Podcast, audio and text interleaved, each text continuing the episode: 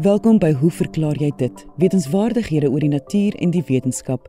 Jy vra die vraag en ons span beantwoord dit. My naam is Lise Swart en ons paneelkenners vandag is teoretiese fisikus professor Hendrik Geier en entomoloog Dr. Johan Pretorius. Onthou as jy 'n vraag het, stuur jou e-pos na lise@rsg.co.za. Jy mag onder 'n skuilnaam skryf of vra om anoniem te bly. As jy ook nie vandag se volledige episode kan luister nie en jy graag wil, onthou jy kan die potgooi gaan luister op RSG se webwerf gaan net na rsg.co.za.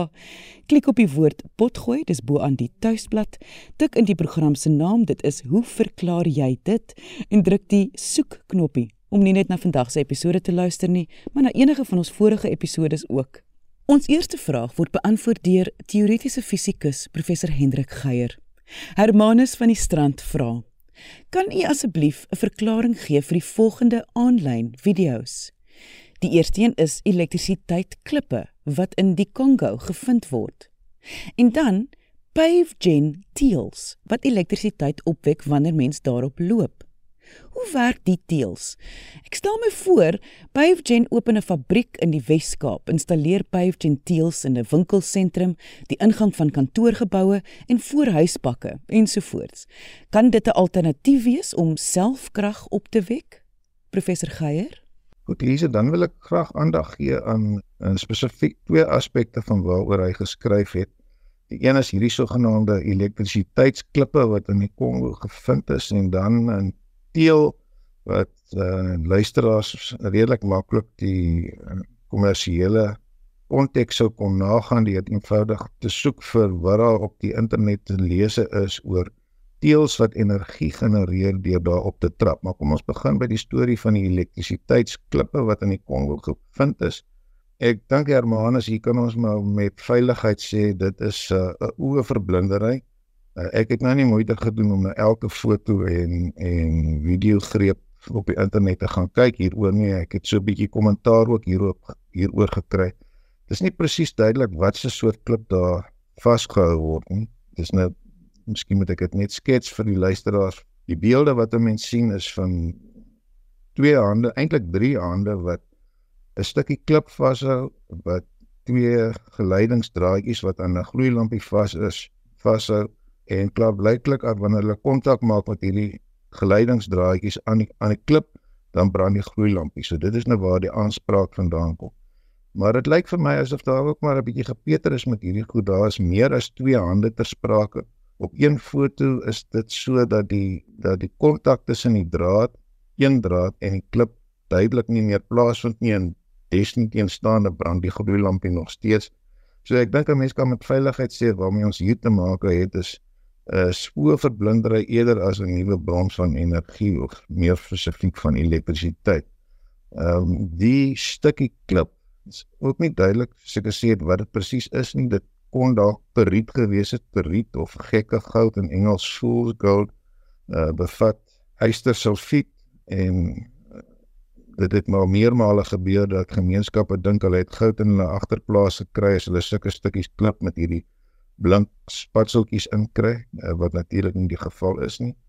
Meer waarskynlik is dit 'n 'n 'n gesteente wat genoem word coltan wat jy daar uit kan kry is is 'n element in naam van tantaal. 'n uh, redelike raar harde metaal wat onder andere in vloeidrade gebruik word. Uh, maar op sigself is dit nie moontlik om uit 'n stuk klip uit elektrisiteit te kry uh deur net draadjies daaraan te koppel. Dit is nou 'n bietjie anders terloops as wat ons nou in die volgende deel van die antwoord gaan bespreek.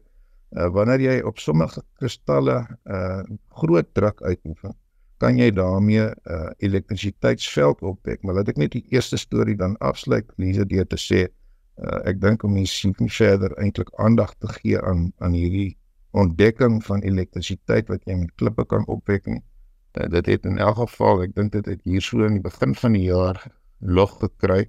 Dit het tussen hulle dood gesterf en mense is ook nie seker presies met wat ek bedoel diegene wat hierdie goed uh, op die internet geplaas het dit gedoen het.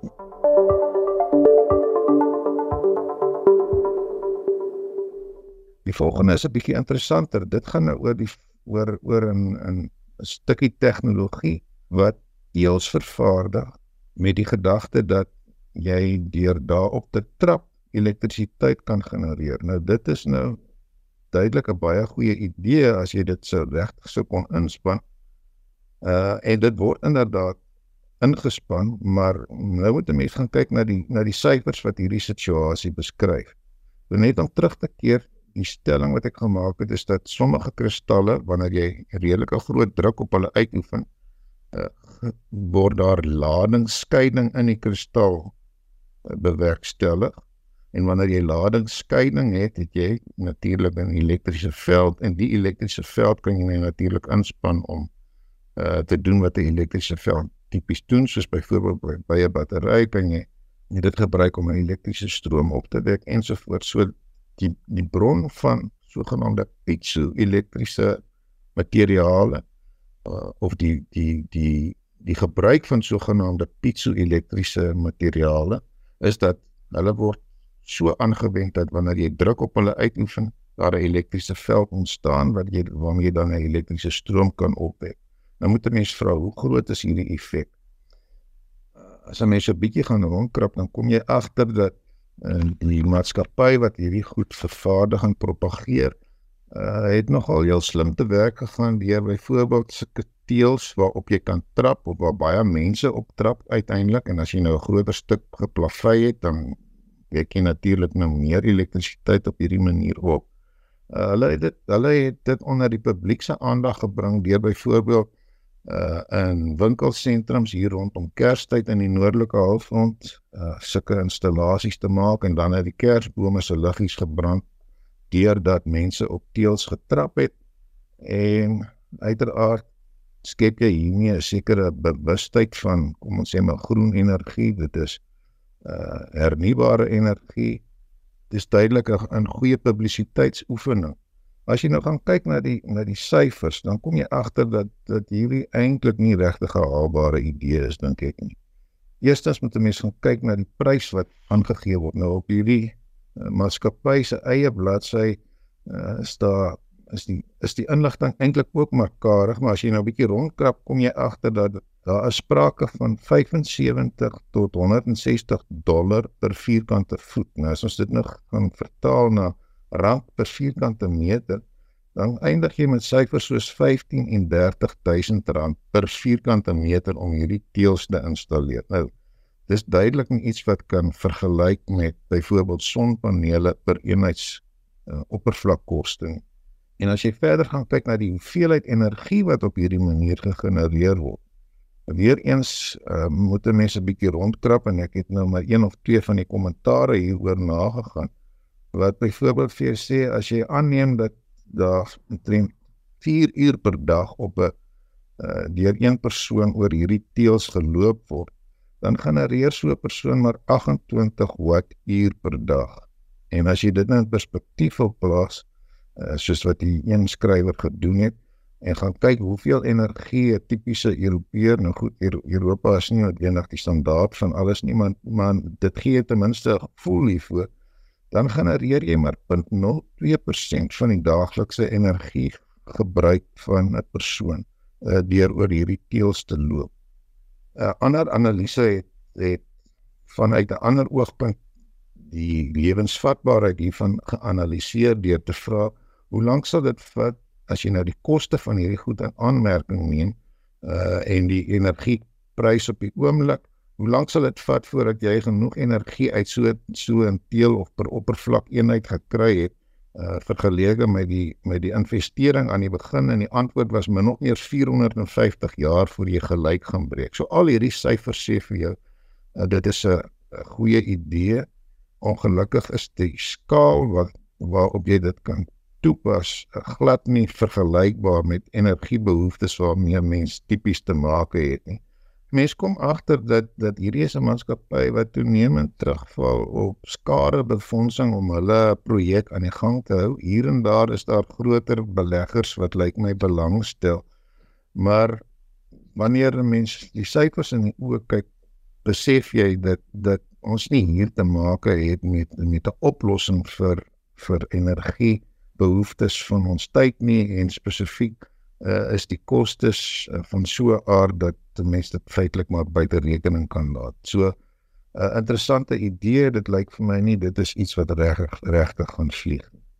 En dit was teoretiese fisikus professor Hendrik Geier. Indien jy 'n vraag het, stuur jou e-pos na lise@rsg.co.za of direk deur RSG se webwerf gaan net na www.rsg.co.za.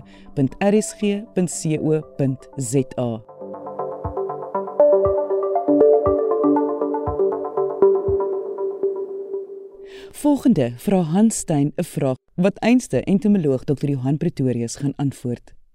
Hans skryf: Goeiedag Lise. Op 27 November het professor Geert Sema gepraat oor middelweerstandigheid by insekte of peste. Ek wil graag weet of die weerstandigheid omkeerbaar is. Dit wil sê indien mens die spesifieke middel teen insekte vir ongeveer 4 jaar nie gebruik het nie, of hulle dan weer vatbaar daarvoor sal wees. Ons het byvoorbeeld gevind dat die vrugtevlieg weerstandig geword het teen 'n sekere middel en het ons oorgeslaan na 'n ander middel. Ek sou nou weer wou teruggaan na die gebruik van die eerste middel al is dit van die mark af, want daar is weer tekens van weerstandigheid. Dr Pretorius. Ja, weerstand teen plaagdoders is 'n geweldige uitdaging in terme van gewasproduksie, menslike en dieregesondheid en natuurlik ook ander forme van plaagbeheer. En wêreldwyd is daar oor die 500 insekspesies en verwante geleedpotiges wat weerstandigheid het. Meeste insekdoders is neurotoksine en dit is ook waar die meeste weerstandigheid gevind word. Maar ander insekdoders wat byvoorbeeld groei asemhalingsprosesse of die spysverteringskanaal teiken is ook nie van weerstandigheid gevrywaar nie. Nou ja, ons kan insekdoder weerstandigheid definieer as 'n genetiese verandering in 'n insekpopulasie as gevolg van seleksiedruk deur toegediende toksines wat dan die beheer van die teikenorganisme met hierdie middels moeilik maak. Ware insekdoder weerstandigheid sal dus nie ontwikkel tensy daar 'n genetiese verandering of mutasies wat oorerflik is ontwikkel het nie. En genetiese mutasies wat insekdoder weerstandmeganismes bepaal of reguleer is alreeds in 'n lae frekwensie onder sekere individue van 'n insekpopulasie teenwoordig. Met ander woorde, dit is 'n pre-adaptiewe kondisie wat alreeds bestaan het sonder dat hierdie individue ooit voorheen aan insekdoders blootgestel was. Net om 'n voorbeeld te gebruik, Lise. 'n Studie in Australië het bevind dat baie ou museum eksemplare van skaapbrommers alreeds 'n gemuteerde esterase besit wat hul weerstand teen organofosfaat gegee het lank voor hierdie insekdoder in gebruik geneem is in die land. So 'n natuurlike populasie sal mens verwag dat die frekwensie van weerstand allele grootendeels laag sal wees terwyl dit baie hoog kan wees in weerstandige populasies waar 'n insekdoder vir hierdie eienskappe selekteer. Hans waarop dit basies neerkom is dat die onoordeelkundige gebruik van insekdoders seleksiedruk op 'n insekpopulasie toepas met die gevolg dat daardie individue met hul vooraf bestaande genetiese weerstand teen een of meer insekdoders oorleef na toediening en dan die weerstand in die populasie versprei. Die gevolg is dat hierdie weerstandige individue toeneem in frekwensie of getalle soos die spesifieke insekdoder of doders herhaaldelik gebruik word en dan sit jy grootendeels met 'n weerstandbiedende populasie waarteen die insekdoders dan oneffektief is. Ongelukkig sal baie produsente in 'n desperate poging om hierdie probleem te probeer oorkom dan die dosis en of aantal toedienings van sulke insekdoders verhoog. Die sogenaamde plaagdoder trapmeel of pesticide treadmill in Engels wat natuurlik baie nadelig vir die omgewing en ons gesondheid kan wees en wat in elk geval net die weerstandsprobleem verder vererger. Nou is insekdoder weerstandigheid omkeerbaar. Hou in gedagte dat insekdoder weerstandigheid gemanifesteer word op die populasievlak. 'n Individuele insek het 'n genetiese mutasie wat tot weerstand kan lei of hy het dit nie. So 'n mens moet vra of die frekwensie van weerstandige individue in 'n insekpopulasie tot so 'n mate verlaag kan word dat jy weer grootendeels 'n vatbare populasie het wat 'n spesifieke insekdoder weer effektief sal maak.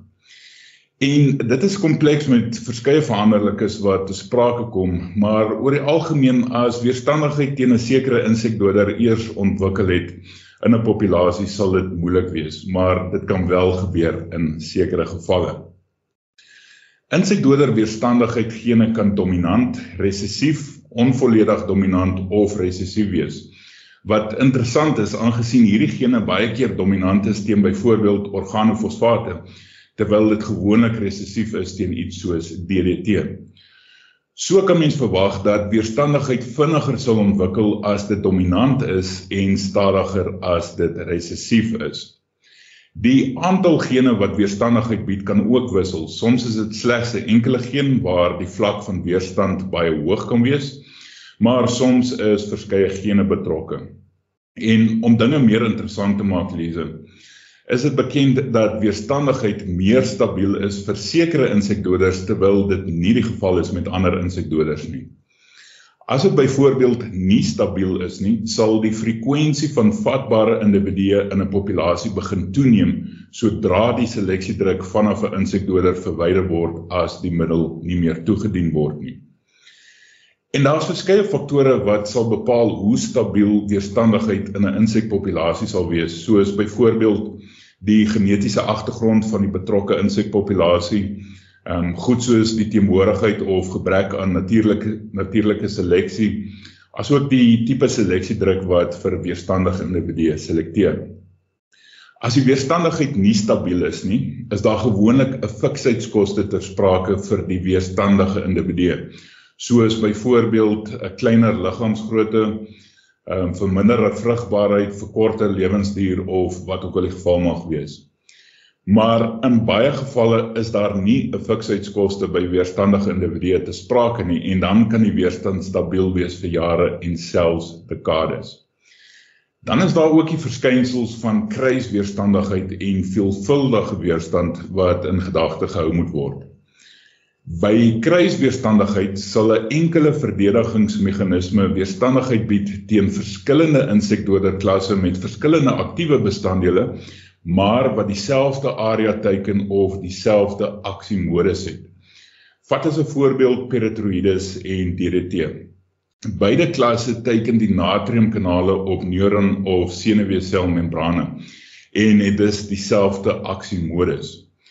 Sou 'n insekpopulasie dus weerstandigheid teen DDT ontwikkel, bestaan die moontlikheid, hoe skraal ook al, dat dit ook weerstand kan hê of vinnig kan ontwikkel teen 'n peritroïde, net te danke aan die teenwoordigheid van slegs een verdedigingsmeganisme. Nou by veelvuldige weerstand sal meer as een verdedigingsmeganisme weerstand bied teen verskillende insekdoderklasse, maar met heel verskillende aksiemodusse. Byvoorbeeld gestel uh, organofosfaat word aanhoudelik gebruik en 'n weerstandige populasie ontwikkel en jy slaan dan oor na piratroïd en daar ontwikkel ook weerstand teen hierdie groep, dan het jy heel moontlik veelvuldige weerstand teen beide insekdodergroepe of klasse. Die organofosfate is asetielkolien esterase inhibitors, maar piratroïde teiken die natriumkanale. Dis twee verskillende areas wat deur die twee insekdoders geteken word en hulle het dus verskillende aksiemodusse. Die spesifieke meganismes verantwoordelik vir weerstandigheid kan ook breedweg verdeel word in gedrags- en fisiologiese weerstandigheid. Met gedragsweerstandigheid kan die teikenorganismes bloot 'n insekdoder vermy terwyl fisiologiese weerstand gewoonlik die resultaat is van goed soos verlaagde penetrasie van 'n insekdoder deur die eksoskelet, ehm um, die onsensitiwiteit van die teikenarea in die insek se liggaam of verhoogde detoksifikasie van die insekdoder in die insekliggaam. En gewoonlik is dit 'n kombinasie van sulke weerstandigheidsfaktore wat sinergisties saamwerk om 'n veel hoër vlak van weerstandigheid te bied as wat mense sou verwag van elke individuele faktor op sy eie. Nou ja, weerstand begin heel moontlik met die eerste gebruik of toediening van 'n insekdoder. Maar die tempo waarteen dit in 'n insekpopulasie versprei hang van verskeie faktore af. Oor die algemeen vat dit so tussen 10 tot 15 generasies vir weerstandigheid om by insekte te ontwikkel. Met ander woorde, insekte met 'n vinnige lewensiklus en verskeie generasies per seisoen sal gewoonlik vinniger weerstandigheid toon. Die mobiliteit van die teikenorganisme is ook belangrik aangesien insekte wat ver kan beweeg of versprei die voorkoms van weerstandigheid kan verdun as vatbare individue gereeld in 'n populasie met weerstandige individue inbeweeg. Insekdoders met 'n lang nawerking en wat lank na toediening stabiel in die omgewing bly, sal ook gewoonlik vinniger vir weerstandbiedendheid selekteer. Die kruks van die saak lese is dat mens insekdoder weerstandigheid moet voorkom of so lank as moontlik probeer verhoed eerder as om toe te laat dat dit in die eerste plek ontwikkel. Insekdoder weerstandigheid lei daartoe dat baie minder opsies beskikbaar is vir plaagbeheer en maak dit moeiliker om weerstandigheidsbestuurstrategieë te implementeer met die oorblywende insekdoder opsies. En dit is 'n hele onderwerp op sy eie en dalk bietjie buite die konteks van Hans se oorspronklike vraag. Maar luisteraars wat sou belangstel kan gerus bietjie gaan nalees oor insekdoder weerstandigheidsbestuur op die internet. Die sogenaamde Insecticide Resistance Action Committee of IRAC, dis nou I RAC doen baie goeie werk in hierdie verband en dit sal 'n goeie beginpunt wees. Lise mens moet ook in gedagte hou dat die weerstandigheid nie die enigste rede kan wees hoekom 'n spesifieke insekdoder nie die verlangde resultate lewer nie. Die inkorrekte gebruik van plaag plaagdoders kan 'n rol speel. Jy stoor dit te lank en die aktiewe bestanddeel begin afbreek of dit word teen die verkeerde dosis aangewend. Die plaagdoder word nie korrek voorberei of gemeng voor toediening nie of dit word op die verkeerde tyd van die dag toegedien. Ehm um, goed soos onvoldoende bedekking deur die plaagdoder, foutiewe toerusting, verkeerde kalibrasie, alles goed wat mense in ag moet neem voor jy tot die slotsom kom dat die pespopulasie weerstandig is. Laastens en om af te sluit, 'n span navorsers het onlangs daarin geslaag om insekdoder weerstandsgene met vatbare gene te vervang in asynvliegies deur gebruik te maak van 'n geenredigeringstegniek, spesifiek die CRISPR-Cas9 tegniek. En dit sal interessant wees om hierdie verwikkelinge in die toekoms dop te hou. En dit was entomoloog Dr. Johan Pretorius. Onthou as jy 'n vraag het, stuur jou e-pos na lise@rsg.co.za. Jy mag onder 'n skuilnaam skryf of vra om anoniem te bly. En as jy vandag se episode weer wil luister of enige van ons vorige episodes, die potgooi is beskikbaar op RSG se webwerf. Ek sê baie dankie aan ons kenners en vraagstellers veral vandag. Onthou om altyd nuuskierig te bly en vra te vra. Tot volgende week hier op RSG saam met my, Lise Swart. Totsiens.